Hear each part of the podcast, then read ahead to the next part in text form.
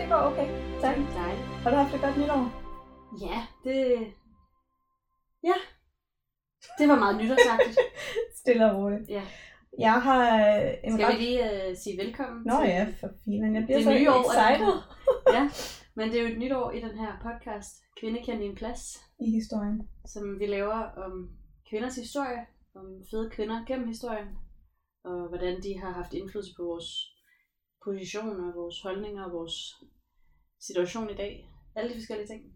Ja, så det er jo ikke kun det her med at fremhæve enkelte personer. Det bliver det i hvert fald ikke for mit vedkommende i dag. Det kan også være det her med at give et indspark til nogle refleksioner omkring, hvorfor kvinder er place- placeret på den måde, de er i historien, øhm, og, og hvordan de har været placeret, og hvad de har været udsat for.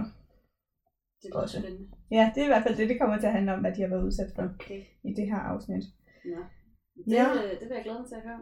Jeg vil gerne starte med at sige derude, at øh, det her det bliver et meget, meget voldsomt afsnit. Øh, Det bliver et meget grafisk afsnit med en masse vold øh, og med død. Det er der nu meget af i historien, men det er der også her.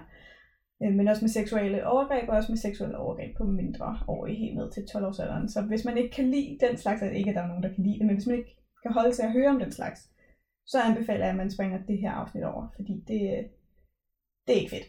Øhm, Så kan man komme tilbage igen næste uge og høre Ja. næste afsnit, eller man kan høre alle afsnittene op til det her punkt. Og der er masser af gode historier blandt dem også. Ja, så hvis man ikke er til, altså det her, det er noget, der kan måle sig med, med seriemorder og true crime podcast i værste skuffe. Så hvis man ikke er til den slags, så er det her altså ikke et afsnit for dig. Men jeg har følt, at den var vigtig at dele den her historie, fordi den, øh, den er så voldsom, og jeg ikke selv havde hørt om den, og jeg er meget historieinteresseret selv. Og jeg var sådan, hvis jeg ikke har hørt om det her, så er der rigtig mange andre, der ikke har. Vi skal snakke om komfortpigerne i Asien. Uh. Har du hørt om komfortpigerne i Asien? Øh, jeg kan ikke huske, om jeg har hørt det som komfortpigerne, men jeg kan næsten regne ud, hvad de har, øh, Comfort Altså- Girls. ja, altså hvad de har skulle gøre, eller hvad de har været brugt til, eller hvad man skal sige. Ja. Øhm, og så forestiller jeg mig, at det er sådan lidt en, en videreudvikling af konkubinen. Nej. Måske, men nej. Det er ikke, ikke, øh, ikke umiddelbart. Men, øh, men du der hen af, det er i hvert fald noget med, med at skulle opfylde nogle mænds behov. Mm. Man snakker faktisk om, at 2. verdenskrig allerede startede i 1932, og det gør man, fordi at der var krig i Asien i allerede fra 1932. Og det er primært Japan, der går lidt amok med at ville overtage resten af Asien på det her tidspunkt. Øhm, Det er faktisk ikke noget, vi lærer sindssygt meget om i vores historietimer, det har jeg i hvert fald ikke lært om. Er det lidt en fejl? Ja, men de går i hvert fald ud, og så er de sådan der, nu er det vores tid til at være, eller vores tur til at være de her koloniindehavere, som, som skal ud og annektere hele verden.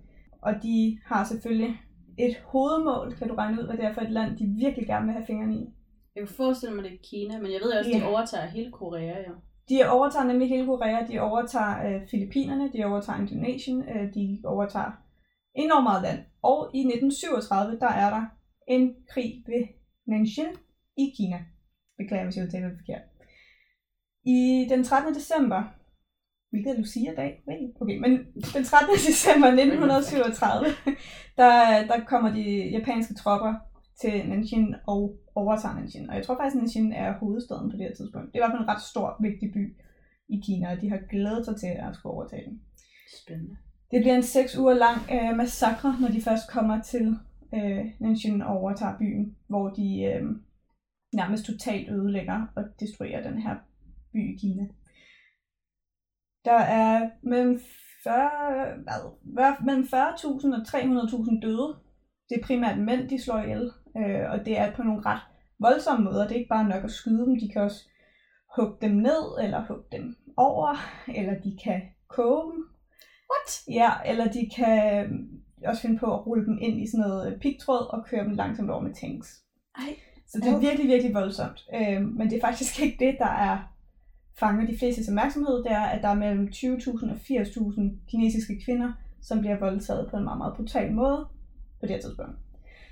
Det er sådan, at øh, overhovedet for den japanske stat på det her tidspunkt, det er kejser Hirohito, øh, som faktisk er den længst siddende kejser i den japanske historie. Han kom til magten i 1928 og døde i 1989.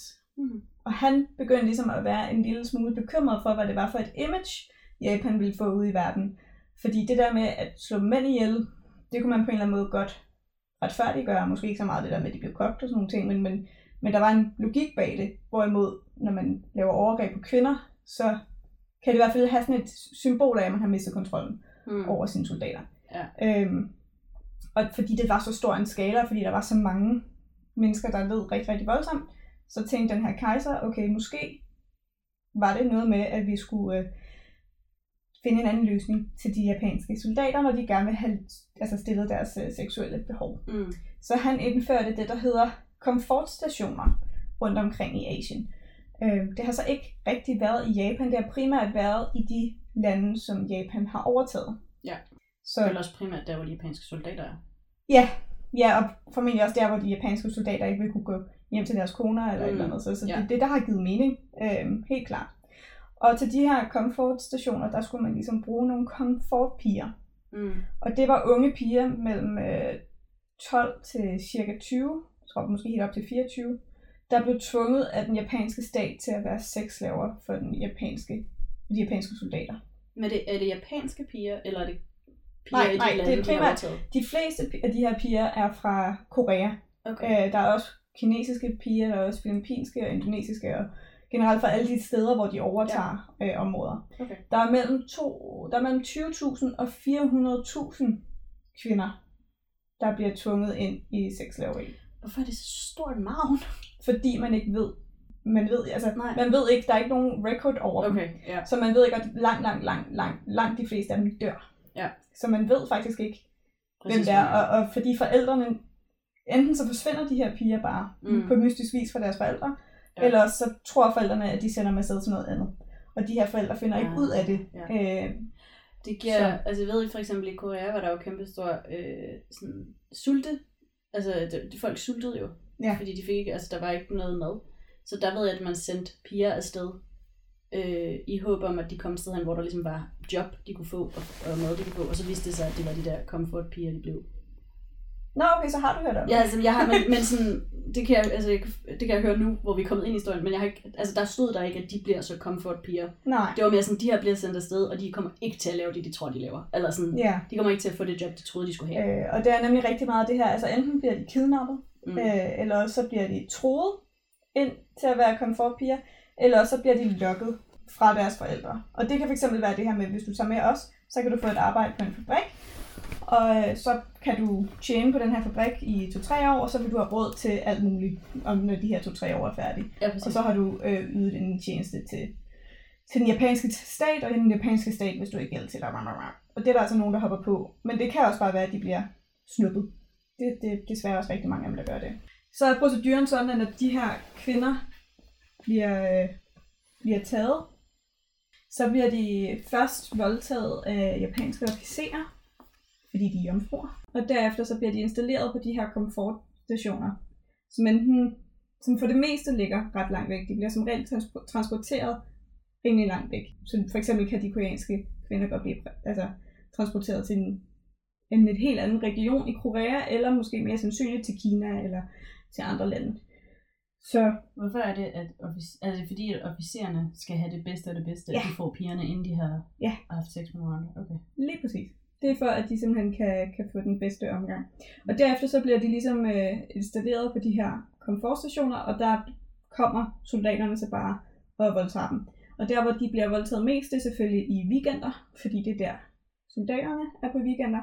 Så på en dag i weekenden, jeg tror det er søndagen, hvor de har hele dagen fri, der kan de blive øh, voldtaget helt op til 50 gange. Det er egentlig utroligt, at krig holder weekend. ja, jeg ved ikke lige.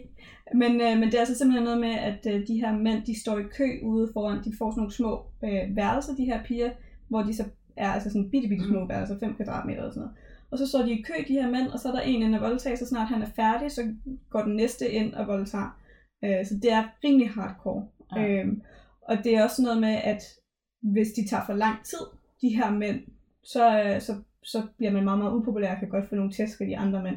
Så det skal gå relativt stærkt. Jeg ved faktisk ikke, hvor stort interval det er, men vi snakker nok ikke super længe. Så det var egentlig det første, jeg selv hørte om det her. Og på en eller anden måde, der var jeg sådan, det, det synes jeg var svært at forholde mig til. Mm. Så jeg gik i gang med at finde ud af, om jeg kunne få nogle konkrete historier fra nogle af de her kvinder. For der er heldigvis nogle af dem, der er overlevet. Og en af dem, det er lige... Øh, okay, ja, det er jo sådan en anden ting. Det er alle sammen japanske navne, så undskyld, hvis jeg udtaler det forkert. Det er virkelig ikke øh, min, min indsigt. Men en anden hedder Lee Oxeon. Hun løb et ærne for sine forældre i Busan i Sydkorea, da hun var 14. Og så kommer der den her bil kørende op på siden af hende med en gruppe uniformerede mænd, som kommer ud, angriber hende og trækker hende ind i bilen. Og de kører så væk, og Lee Oxeon ser aldrig nogensinde sine forældre igen. På det her tidspunkt er hun 14 år. Og sådan er der bare rigtig, rigtig mange historier, hvor de her kvinder enten bliver tvunget, som sagt langt de fleste tror jeg faktisk bliver, bliver tvunget væk. Der er så også nogle af dem, hvor det er fint nok at lokke. Og der er så nogle af dem, der er heldige nok til at overleve og komme hjem igen. Der er faktisk hele 90% mener man, der dør, mens de er komfortpiger. Og det gør de enten af sex, altså sexsygdom, eller så gør de det af selvmord, eller så gør de det, fordi at de japanske mænd slog rigtig mange af dem ihjel, da de var færdige med krigen, fordi de ikke ville have nogen vidner. Ah, ja. Eller også så var det fordi, at uh, der var rigtig mange af dem, der blev tortureret til døde af de her mænd. Så det er rimelig hardcore. Altså, tortureret til døde Ja, under, under arbejde, eller hvad man skal Ja, kalde under det? Altså, seksuelle under overgreb, seksuelle ja. overgreb. ja. Okay. og jeg kommer også lidt ind på igen sådan, hvordan. Men øh, så igen, hvis man ikke er til at lytte til sådan noget, så skal man virkelig ikke lytte med fra nu af. I øh, 1980'erne, der begynder, det her det er jo kæmpe, kæmpe tabu forresten. Altså sex i Asien er meget, meget tabuiseret. Mm. Det er det stadigvæk i dag, og det var det endnu mere i, øh, i 1930'erne, hvor det her egentlig er sådan på sit højeste. Det betyder også, at rigtig mange af de her kvinder ikke har ville dele det, da de var dem, der så har overlevet, de har ikke ville dele det. Øh, De har haft svært ved at dele det bare med deres familie. Nogle få af dem har delt det kun med deres mødre, øh, men ellers så er det noget, de holder rigtig meget for sig selv. Mm. Det ændrer sig så i øh, 1980'erne, da den sydkoreanske republik bliver et frit demokratisk samfund. Der bliver det ligesom taget lidt til offentlig debat, at der er nogle af de her kvinder, der, der står frem og siger, at det her det er min historie. Og lige Oxeon, som jeg nævnte lige før, hun er en af dem. Og de nævner simpelthen bare, hvad de var udsat for, og de kræver så, at den japanske stat, at de skal få en undskyldning. Og der skal blive, at det her skal blive anerkendt. Og i øh, 1990 så kom det så meget frem på den internationale scene, at den japanske, fordi den japanske stat blev ved med at afvise og sige, det der det er totalt holocaustbenægtelseagtigt, altså sådan, det her har vi ikke noget som helst at gøre med. Og hvis der har været sådan nogle komfortstationer, så er det altså modeller, hvor at det var prostituerede, der solgte sig selv. De ville det selv. Så øh, kan jeg også fortælle en historie om en, der hedder Kim Bok-dong. Hun stod også frem med sin historie. Hun fortalte, at hun var blevet tvunget ud af sit hus af japanske soldater. Og hun blev tvunget til at være en komfortpige. De kom simpelthen ind i hendes hjem og tog hende ud af hendes hjem. De gjorde det som et andet påskud. De sagde til forældrene, at den her kvinde, hun, øh, vi, vi skal tage hende, vi skal bruge hende til at sy uniformer for den japanske stat. Så, de, så familien har ikke vidst, altså det kan jo være, der vil komme endnu større oprør, hvis den her familie har vidst, hvad der, er, der skulle til at ske. Men hun bliver så taget, og da hun kommer tilbage efter krigen, så fortæller hun det kun til sin mor, øh, efter noget kort tid, fordi hun bliver nødt til at forklare, hvorfor hun ikke vil gifte sig. Men hun vil simpelthen ikke gifte sig, fordi der er nogle, mm, altså fordi hun ikke har særlig meget tiltro til mænd længere på det her tidspunkt. Hendes mor går fuldstændig i chok og siger også, det her må du aldrig nogensinde dele med nogen andre. Og ret kort tid efter dør hun faktisk af et hjertestop, den her mor. Det har været for hårdt for hende at høre. Og det, altså udover at der er nogle af de her øh, kvinder, der overlever, de er selvfølgelig enormt ked af, at de ikke får børn. Men noget af det, de er mest ked af faktisk, det er, at de ikke kan uddanne sig. Det er, at de har fået frataget muligheden for at få en uddannelse som unge. Det betyder rigtig, rigtig meget for dem, og det har formentlig også betydet rigtig meget for den måde, de har kunne leve deres liv på efterfølgende. Så de føler faktisk, at de har fået taget en hel masse mere end bare altså et fysisk overgreb. Kan, de, kan man ikke få lov at uddanne sig, når man er, altså, når man er voksen, skulle jeg sige? Jo, men jeg tror, jeg tror, det kan være svært. Lad os sige, at denne her, det stopper i 1945. Ikke? Mm. Lad os sige, at du bliver taget som 14-årig i 1932, Mm. og du så har været heldig nok til at overleve. Ja. Så er der gået 13 år, Mm. så er du 27. Ja. Og det er ret meget uddannelse, altså det er jo folkeskoleagtigt. Du selvfølgelig gået, du er rigtigt, gået ja, glip af noget virkelig, virkelig grundlæggende Ja. øh, uddannelse. Og så er det også, for mange af de her kvinder har det taget dem lang tid at komme hjem efter krigen er sluttet. Mm. fordi de bare bliver overladt til sig selv i Kina eller Ja. sådan noget, så skal de finde hjem til Korea. Og de har ikke nogen penge. Nej. Så det er jo svært. Ja. Og der er også formentlig ret mange her, der dør i den her proces. Mm. Så der er bare rigtig mange, der dør. I øh, 1990'erne, der var der en mand, der hedder Mr. Ito, som sætter sig for at øh, dokumentere nogle af de her historier fra nogle af de overlevende kvinder. Og dem er der faktisk ret mange af, sådan journalister, der virkelig skynder sig ud, når det begynder at blive sådan offentligt kendt, og siger, det her, det skal vi simpelthen bare have dokumenteret, det skal vi lynhurtigt, fordi de her kvinder er gamle. Man kan se øh, Mr. Itos optagelser af nogle interviews, som han har kørt med de her kvinder, eller med nogle af de her kvinder, på YouTube. Jeg kommer ikke til at fortælle, hvordan I finder dem, fordi det er virkelig, virkelig, virkelig, virkelig voldsomme øh, historier. Selvfølgelig kommer jeg til at dele nogle af dem her, så, så det er jo måske et fedt. Men, men hvis man er interesseret, så kan man gå ind og skrive til os. Øh, så skal jeg nok... Send et link. Ja, så skal jeg nok guide jer derhen af, men finder dem ikke særlig nemt, nemlig. Så man kan gå ind og skrive til os enten på Instagram, hvor vi hedder KKDP podcast, eller man kan gå ind på Kvinden kendt din plads i historien på Facebook og finde os der. Så, så kan man skrive til os, så skal jeg nok sende nogle links. Men han øh, optager sig de her, han filmer dem også, så man ser de her kvinder, hvad jeg sidder og fortæller om det. Det er nogle ret stærke videoer faktisk. Han snakker blandt andet med Oksun Chion, som blev kidnappet i 1933, da hun var på vej ned til den lokale brønd for at hente noget vand til sin mor. Og den her kvinde, hun har været så meget igennem. Altså så meget igennem. Og det, som er fascinerende ved at høre om de her historier, der er rigtig mange af dem, når de skal fortælle om seksuelle overgreb, så bliver det meget, meget overfladisk. Så bliver det sådan noget, at jeg bliver voldtaget 50 gange om dagen. Og man får ikke detaljerne i det, fordi det formentlig er for smertefuldt. Og det, der egentlig er ret sejt ved Ok Sung Jong, det er, at hun har været så fokuseret på at videregive brutaliteten og historien, sådan som den var. Øh, og det er også derfor, jeg deler den nu. Det er fordi, jeg synes, det er vigtigt at, give de her kvinder, der har valgt at vil bidrage med en stemme, og så give dem en stemme. Så det er sådan set ikke for underholdningsfaktoren i det. Men, øhm, men hun bliver blandt andet tatoveret af de her mænd. Nej, jeg skal måske starte, hvor det startede. Altså hun bliver taget af de her mænd, så bliver hun taget hen på en politistation, så bliver hun sådan bundet fast og alt muligt. Så bliver hun taget hen til en anden politistation længere væk.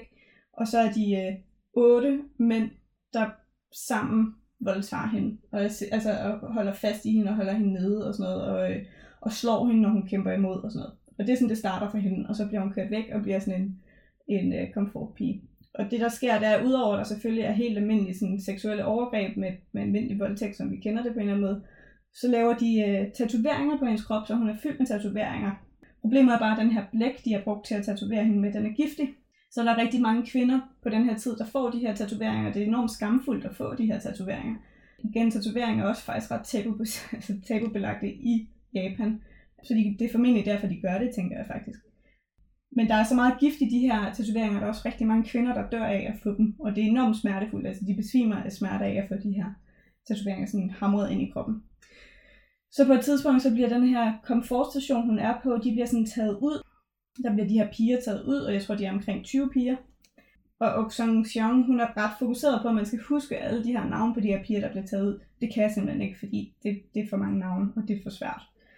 Så, men hun øh, er ret optaget af, at det her det er noget, der skal gå videre i historien. Det, der sker, er, at de bliver taget ud, øh, og så får de at vide, nu skal I voldtages 100 gange om dagen.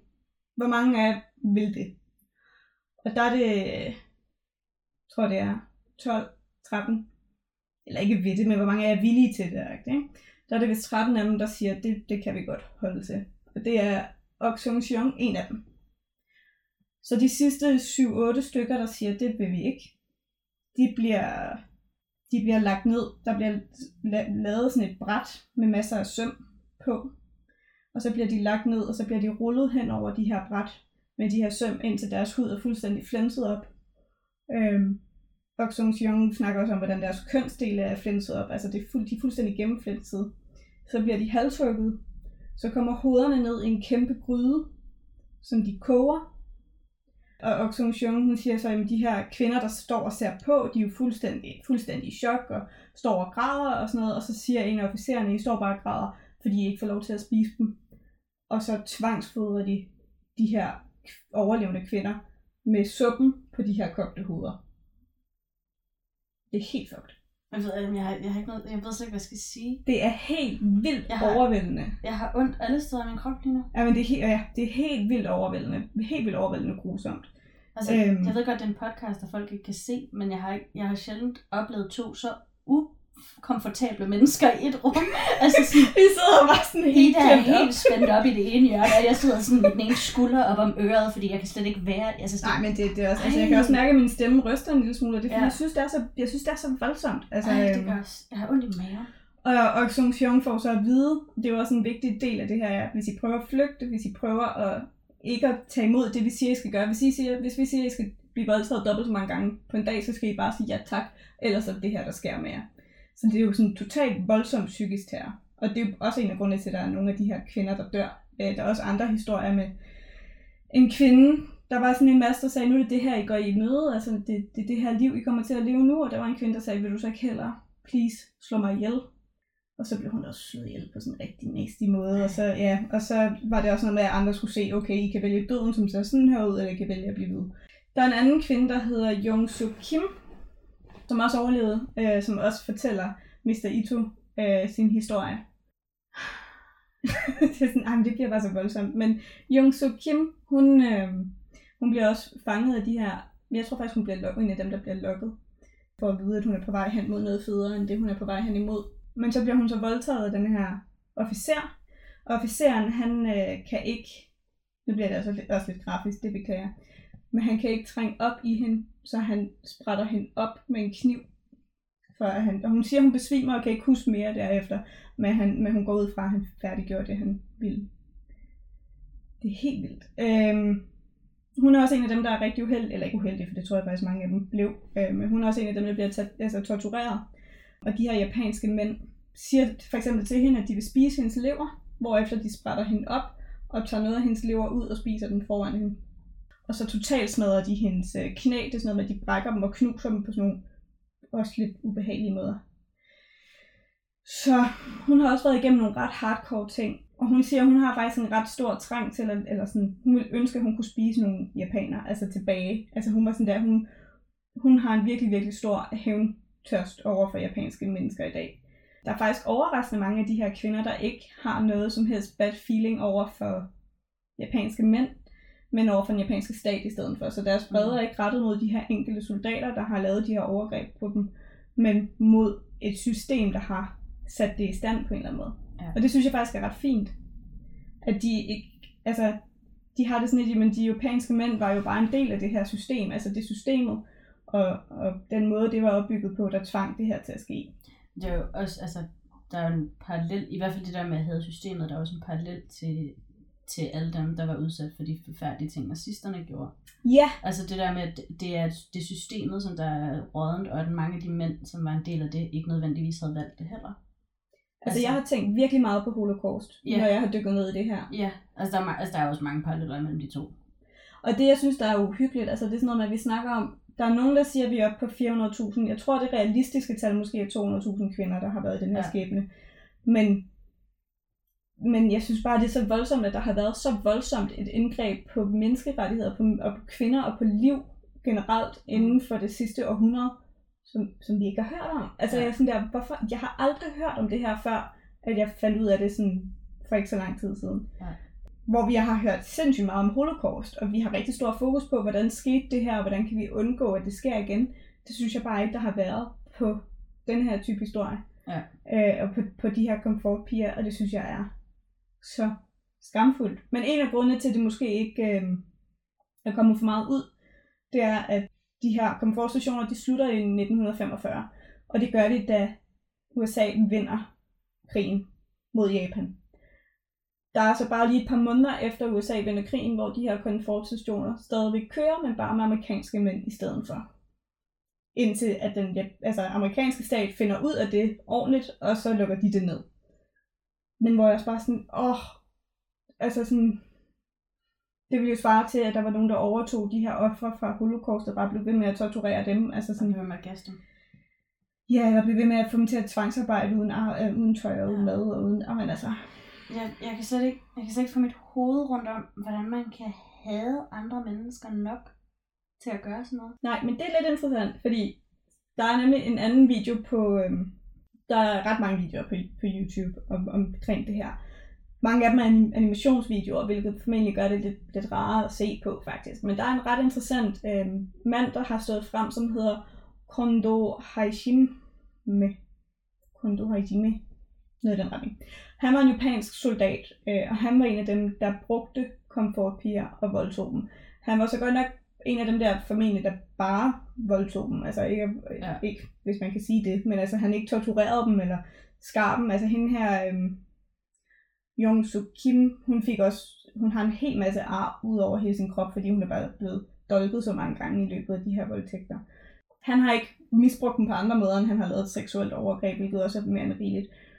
Og Kondo Haishime, han stod også frem, da de her kvinder i 80'erne stod frem og sagde, vi har været udsat for det her, hvor Japan går ind og siger, øh, nej, det har I ikke. Der går han ind og siger, øh, jo, det har de, og jeg har været med til at gøre det. Og han gør det, fordi han er enormt skamfuld over, at han har gjort det. Men det er en interessant historie, fordi man får at vide, hvordan han blev oplært i den japanske hær. Og når man ved det, så synes jeg også, det giver lidt bedre mening, hvorfor de her mænd har været i stand til. Altså for mig var det det der med, en ting er voldtag, det synes jeg er voldsomt nok. Men at du står i kø, måske i flere timer, for at vente på Og få lov at voldtage. at voldtage menneske, det, det, det, den, den, den disconnected fuldstændig for mig. Ja, og så det der med skære folk og tatovere dem og spise deres lever foran dem, det er da også lidt disconnect Der var også virkelig, virkelig mange af dem, der fik hugget deres øh, livmor ud. Der var rigtig, rigtig mange af dem, der har fået fjernet deres livmor. Fordi de har været enten bange for, at de her kvinder vil blive gravide, og dermed ikke være arbejdsdygtige længere. Mm. Eller også var det simpelthen bare, fordi nogle af de her mænd synes, det var sjovt at tage deres livmor. Ej, jeg kan slet ikke, det kan jeg slet ikke forstå. Og der er selvfølgelig også rigtig mange, der dør af det. Ikke? Øhm, Sjovt nok. men, men Kondo Haishime, han fortæller så om, hvordan han er sådan, han siger ikke, det retfærdiggør det, men han fortæller om, hvordan det var at være soldat i den japanske, for den japanske stat. Det starter med, at de bliver taget ind, så får de sådan en, et gevær, og så får de at vide rigtig mange gange, det her gevær er din dyreste ejendel, den har du fået af kejseren, den har du fået af det japanske rige, den er mere værd end dit liv, så du skal passe godt på den. Det er sådan der, den starter. Det, er- det er måske sådan i den light, den lettere afdeling. Så øhm, træner de det her med at slå ihjel, fordi de japanske mænd slår jo ihjel også i krig. De træner det her med at skulle slå mennesker i krig ihjel på rigtige mennesker. Så deres militærtræning er, at de har kinesiske mænd bundet fast, som de så skal slå ihjel. Ad? Ja, men I kan ikke se Emilies ansigtsudtryk lige nu, men hun er sådan helt sådan, hvad filan? Det er også ret grotesk, men, men det er sådan noget med... altså, sådan, kan jeg kravle ned under dynen og måske slukke nu? Altså sådan, Ja, men det er, det er ret voldsomt. Så det er for eksempel, jamen, det er ret voldsomt. Vi er næsten færdige med okay. Men det er sådan noget med, at de, øhm, det er så ikke sådan, de har ikke en Japan eller en kineser hver. Så det er sådan noget med, at en gruppe er sammen om. Deles? Ja, de deler som de samme. Ej, det er endnu mere, jeg ved ikke hvorfor, men det er endnu mere forfærdeligt. Okay, jeg er klar. Fortsæt. Jamen, det er ret, det er ret grotesk. Øhm, men de her mænd, det er sådan noget med, at de, øhm, at der er en japansk officer, der stiller sig frem, og så siger han, I skal lære at slå ihjel. Nu skal jeg vise jer, hvor let det er. I tager en, en sabel, eller sådan en, en kniv, eller ikke en kniv, det, det er svært, en sabel. Og så har han det her menneske foran sig, som så knæler, og så hugger han hovedet af det her menneske foran alle de her japanske soldater, og så siger han, prøv at se, hvor let det er at slå en kineser ihjel. Og så sparker han kineseren væk øh, i sådan ned i en grav, tror jeg. Så det var sådan første gang. Så bagefter så bliver de øh, stillet op, fordi de kører jo stille og roligt på, med hvor, hvor brutalt det bliver. Så det er sådan noget med, at de kører stille og roligt på, så det, der er sådan nogle stolper, ligesom øh, de mænd, der blev henrettet i Danmark under 2. verdenskrig, som også blev bundet fast til sådan nogle stolper. Der står sådan nogle kineser med stolper, ved nogle stolper. Og så stiller de sig frem på sådan nogle rækker af måske 10 eller 12 mennesker, og så har de jo de her jeg ved faktisk ikke, om det er en, jeg kan ikke huske, om det er en dolk, eller om det er spidsen på de her Du er bagnet-agtig. Ja, om det er sådan nogle spidserne på geværerne, men, men de skal hver især øh, hvad hedder sådan noget, stikke de her. Så går de frem, så løber de ind i det her menneske med den her dolk eller den her bajonet, stikker, og så er det den næste i rækken, der gør det samme. Så ved man jo ikke helt præcis, hvornår de her kinesere dør i det her forløb. Men, Det er det vildeste stafetløb nogensinde, det der. Men det, er, jo- det er jo også bare sådan noget, der fuldstændig dehumaniserer dig. Ja.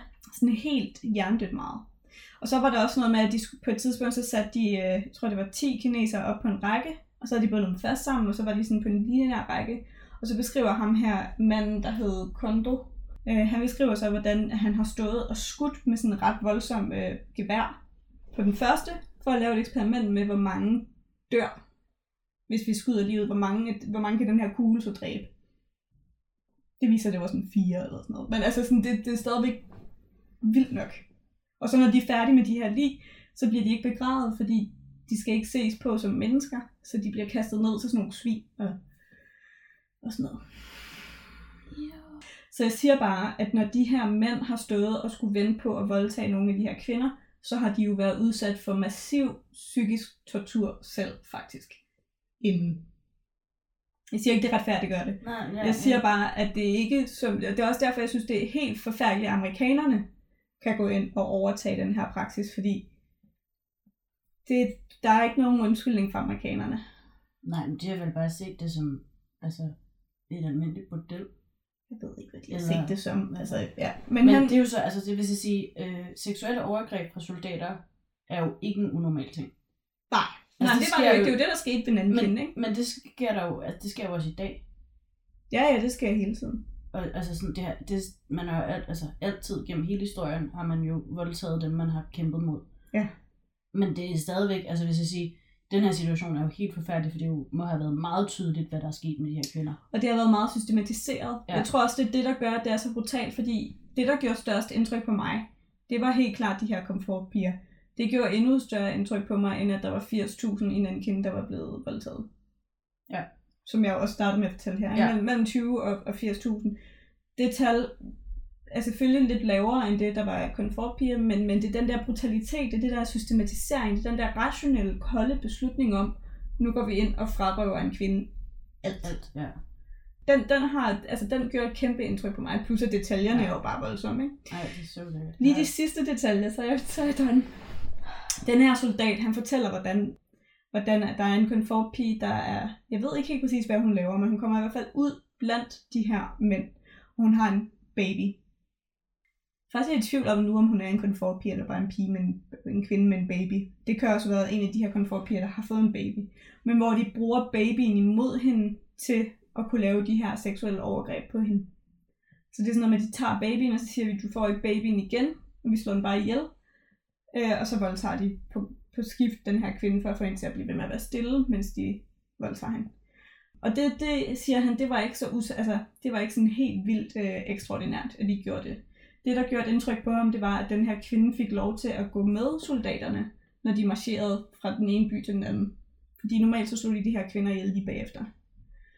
Så de havde taget den her kvinde med, og de går så på en strækning, hvor de går på sådan en skrant, hvor der er sådan en klippe, og bare direkte ned i frit fald. Ikke?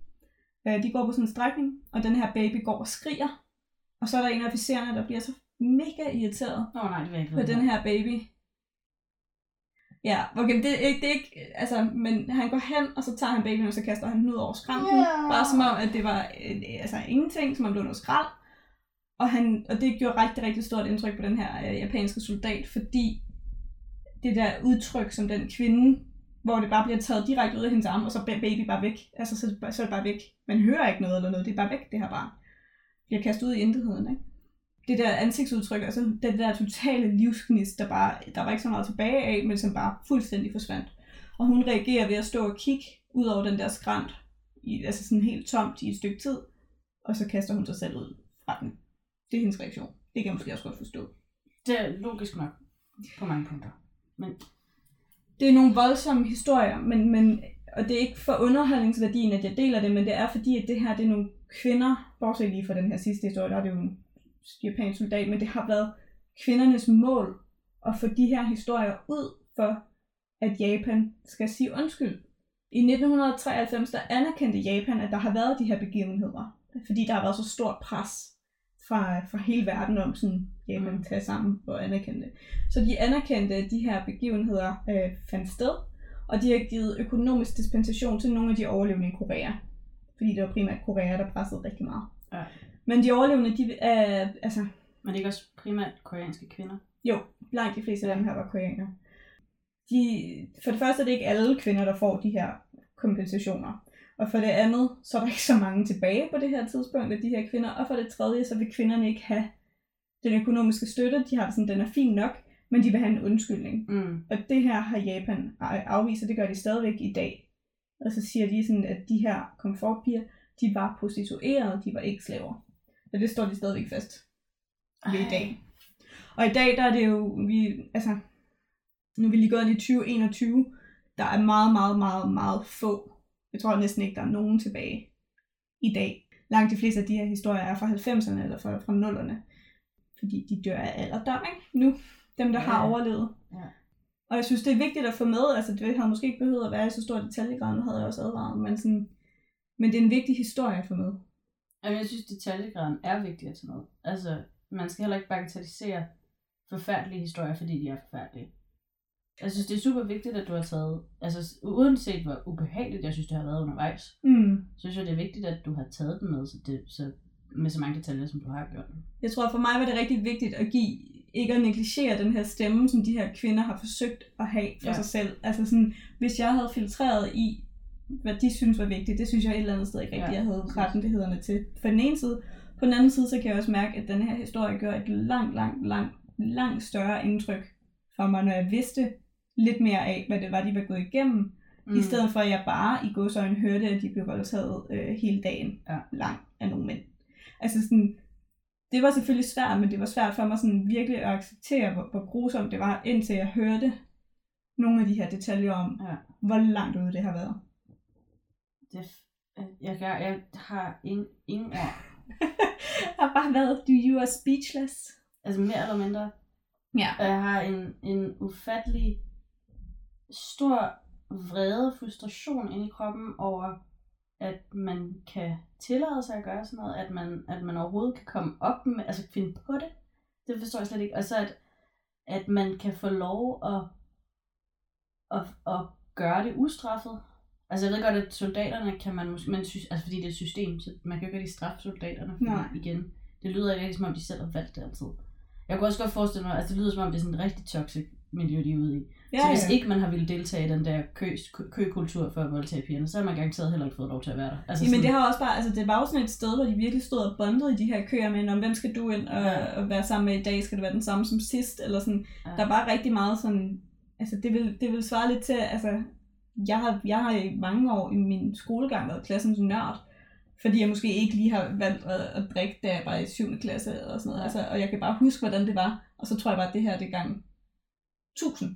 Altså sådan, fordi hvis du vælger ikke lige at voldtage en kvinde, er du så overhovedet en mand, og er du så overhovedet øh, altså en ordentlig soldat for staten, og sådan, altså det har været, det har været helt Jeg, jeg forstår, jeg kan, ikke, jeg kan ikke forstå det, og jeg kan ikke finde ud af, om jeg er sur på, jo, eller det kan jeg godt finde ud af, at jeg er sur på Japan, fordi at de ikke vil sige undskyld, og jeg er sur på krigen, fordi at det sker. Men jeg har også, lige nu er jeg også virkelig sur på mænd. altså sådan, og, og det er selvfølgelig, nu, jeg gider ikke have alle de der, ikke alle mænd kommer efter os nu, det gider jeg simpelthen ikke høre på, fordi, hvad, synes- altså, hvad er, what? Ja, men det er, det er totalt, det smadrer bare din hjerne. Men det her, jeg tror også noget af det, der virkelig frustrerer mig i det her, det er, at det her, det ville bare ikke på samme måde kunne være sket for mænd. Altså sådan det her med voldtægter. Jo, altså andre mænd kunne have gjort det. Ja, jeg ved det godt. Altså, ja, Men nej, men altså, det vil ikke være sket, hvis... Altså, du vil ikke have set kvinder gøre det mod mænd på samme måde. Nej, det er rigtigt nok. Og selvfølgelig så ved jeg godt, at mænd også godt ville kunne gøre det mod mænd. Der har været masser af historier på, på, på i både i militær og på, i fængsler og sådan noget, Mm. mænd bliver voldtaget af andre mænd. Men kvinder er bare så sindssygt udsatte, Ja. når det gælder krig. Og jeg synes, den her, at, det bliver, at den her udsathed bliver brugt imod dem.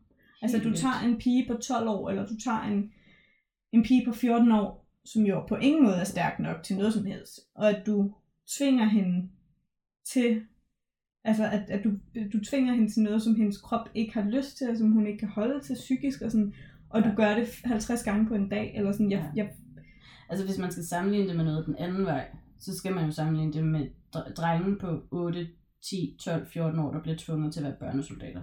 ja, Altså, det vil være, det vil være den anden retning, fordi de bliver jo også fuldstændig misbrugt og, og, og tvunget til at gøre ubehagelige ting hele dagen.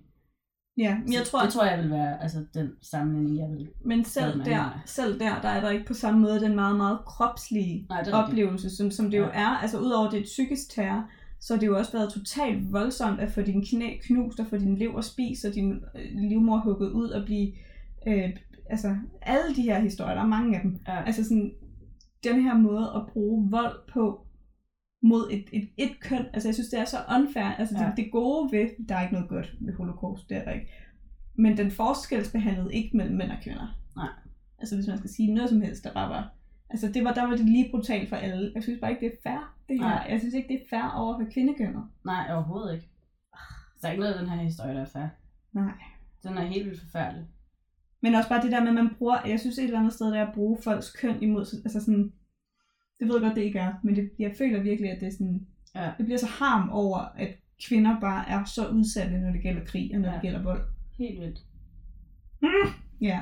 Ja, det kan være, vi, øh, det kan være, vi bliver nødt til at stoppe nu. Lige tage en pause. Ja.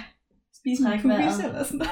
Spise noget Den er meget intens, den her historie. Men, men som sagt, det er lige vigtigt for mig en gang til at understrege, at de her kvinder gerne selv vil dele deres historie. Ja. Øh, så det er jo ikke ligesom et, et menneske, der er blevet slået ihjel, og som ikke har haft en... Altså det, det her det er også grunden til, at det bliver så vigtigt for den her kvinde, hvor de her menneskehoveder bliver kogt og sådan noget. Det er ja. Vigtigt for hende at nævne, at det ikke bare er menneskehoveder, det er mennesker. Og hvordan, altså, hvem var de her mennesker? Giv dem et navn. Ja. Jeg har så ikke kunne ære det, men, men det er vigtigt for hende, fordi at det også giver de her mennesker en stemme, der ikke har haft mulighed for at fortælle, Ja. hvad det er, de er blevet udsat for. Ej. Ja. Og så synes jeg også, det er lidt vildt, at det, som kvinderne står tilbage med, selvfølgelig er der nogle af dem, der er ked af, at de ikke kan få børn, Mm. men at det, at det overhovedet er en ting, at de siger, det jeg er mest ked af, det er, at jeg ikke kan få en uddannelse. Ja, det synes jeg er vildt nok, også at det er det, der, det er det, de står tilbage med, Ja. sådan der, jeg vil gerne have været uddannet. Jeg synes også, det er imponerende dem, som, altså som du siger, de kvinder, der ligesom kan se ud over det enkelte menneske, der har voldt dem smerte, og Ja. så ser, at det er et system, der har gjort det. Altså at det der med sådan, at de ikke jagter deres retfærdighed hos de enkelte mænd, men at det er den japanske stat. Men de kvinder, hvor, det, hvor de har sagt, det er staten, jeg er vred på, det er ikke de enkelte mænd, Mm. det er dem, der måske ikke har delt så mange detaljer. Det er Ja. dem, der siger, at jeg blev voldtaget 50 gange på en dag. Mm. Hvorimod dem der, der siger, at min, jeg fik min lever hugget ud af min krop. Mm. Altså, jeg tror ikke, at hun, jeg tror, hun er vred på alle japanske helt mænd, men, men hun er helt klart mest harm mod de mænd, der har lavet de der meget specifikke, meget voldsomme Det fysiske er jo også helt fair. overgreb på hendes Jeg synes også, at hende du snakkede om, eller du nævnte din kvinde først, som bare var sur på, på japanske mænd generelt, altså var sådan, det kan jeg ikke, jeg kan ikke. Det forstår jeg godt. Ja. Altså, det forstår jeg virkelig. Jeg forstår også dem, der siger, at jeg skal aldrig giftes, fordi Ja. jeg, jeg tror heller ikke, jeg tror ikke, nogen vil have nogen form for tiltro til nogen som helst andre mennesker igen. Men det er der faktisk en, der er også en historie med en, øh, med en der overlevede fra Indonesien, Ja. som øh, hun blev gift med en australsk mand, Og det, øh, og hun har det, de har det fint og har haft et lykkeligt ægteskab og har nogle børn og sådan noget. ja, Øhm, ej, det var godt. og de har først lige, sådan, da de er blevet voksne og måske er sådan 40 år gamle, Ja. de her børn, fundet ud af, hvad deres mor har været udsat for. Ej. Men, øhm, men Det der, der, er, der er nogle gode historier sådan, derude. næsten happy note. Altså. Jamen, der er, der er flere sådan, historier derude, øh, og den her kvinde faktisk, det kan jeg lige fortælle, Mm. hun, øh, det var sådan, at de her forskellige øh, værelser, de blev sat ind på, de havde forskellige blomsternavne på japansk. Så i stedet for, at du siger, altså sådan, så du har ikke et navn, du har et blomsternavn. Så jeg skal ind, øh, jeg vil bruge rose, eller jeg vil bruge lille, eller whatever. Den her kvinde kunne ikke holde ud og få blomster, da hun blev fri igen. Det kan jeg godt forstå. Indtil hun fortalte sin historie. Ja. Da hun havde fortalt verden sin historie, Så kunne så hun elskede hun at få blomster. Åh, det, ej, for Fordi godt. det ligesom ikke længere var connected inden hos Ja. hende, de der to ting. Ikke? Det var Ah. ikke forbundet. Det Så det er sådan, nu kan hun også få blomster, har børn og er glad og sådan noget. Jeg tror måske, hun er død nu. Men ellers har hun været glad. jo, hun nåede da at få blomster. Ja. Og været lykkelig gift. Meget lykkelig Ej, gift. det er godt. Ja. Det er jeg glad for. Ja. Okay. Jeg tror ikke, jeg kan mere nu. Nej, ja, vi, siger, vi siger tak, fordi I lyttede med, hvis I Ja. lyttede med så langt. Og vi beklager, hvis det var lidt voldsomt. Ja, meget voldsomt. Øh, vi kan så sige, at, øh, eller jeg kan sige, for det er mig, der skal historien med uge, at det er øh, måske nok den helt anden boldgade. Vi skal snakke om noget, der har gjort rigtig meget godt for verden. Det tror jeg, vi Så, trænger til. øh, så lad, os, øh, lad os møde nogen, der... Selvom der også er nogle forfærdelige ting i den historie, så den ultimativ, har det ultimativt været godt. Ja, Så øh, det kan du jo så glæde dig til næste uge. det tror jeg, vi alle sammen glæder os til at Ja. høre om i næste uge. Og indtil da, så er kvinden kendt din plads. I historien. Tak fordi I lyttede med. Hej.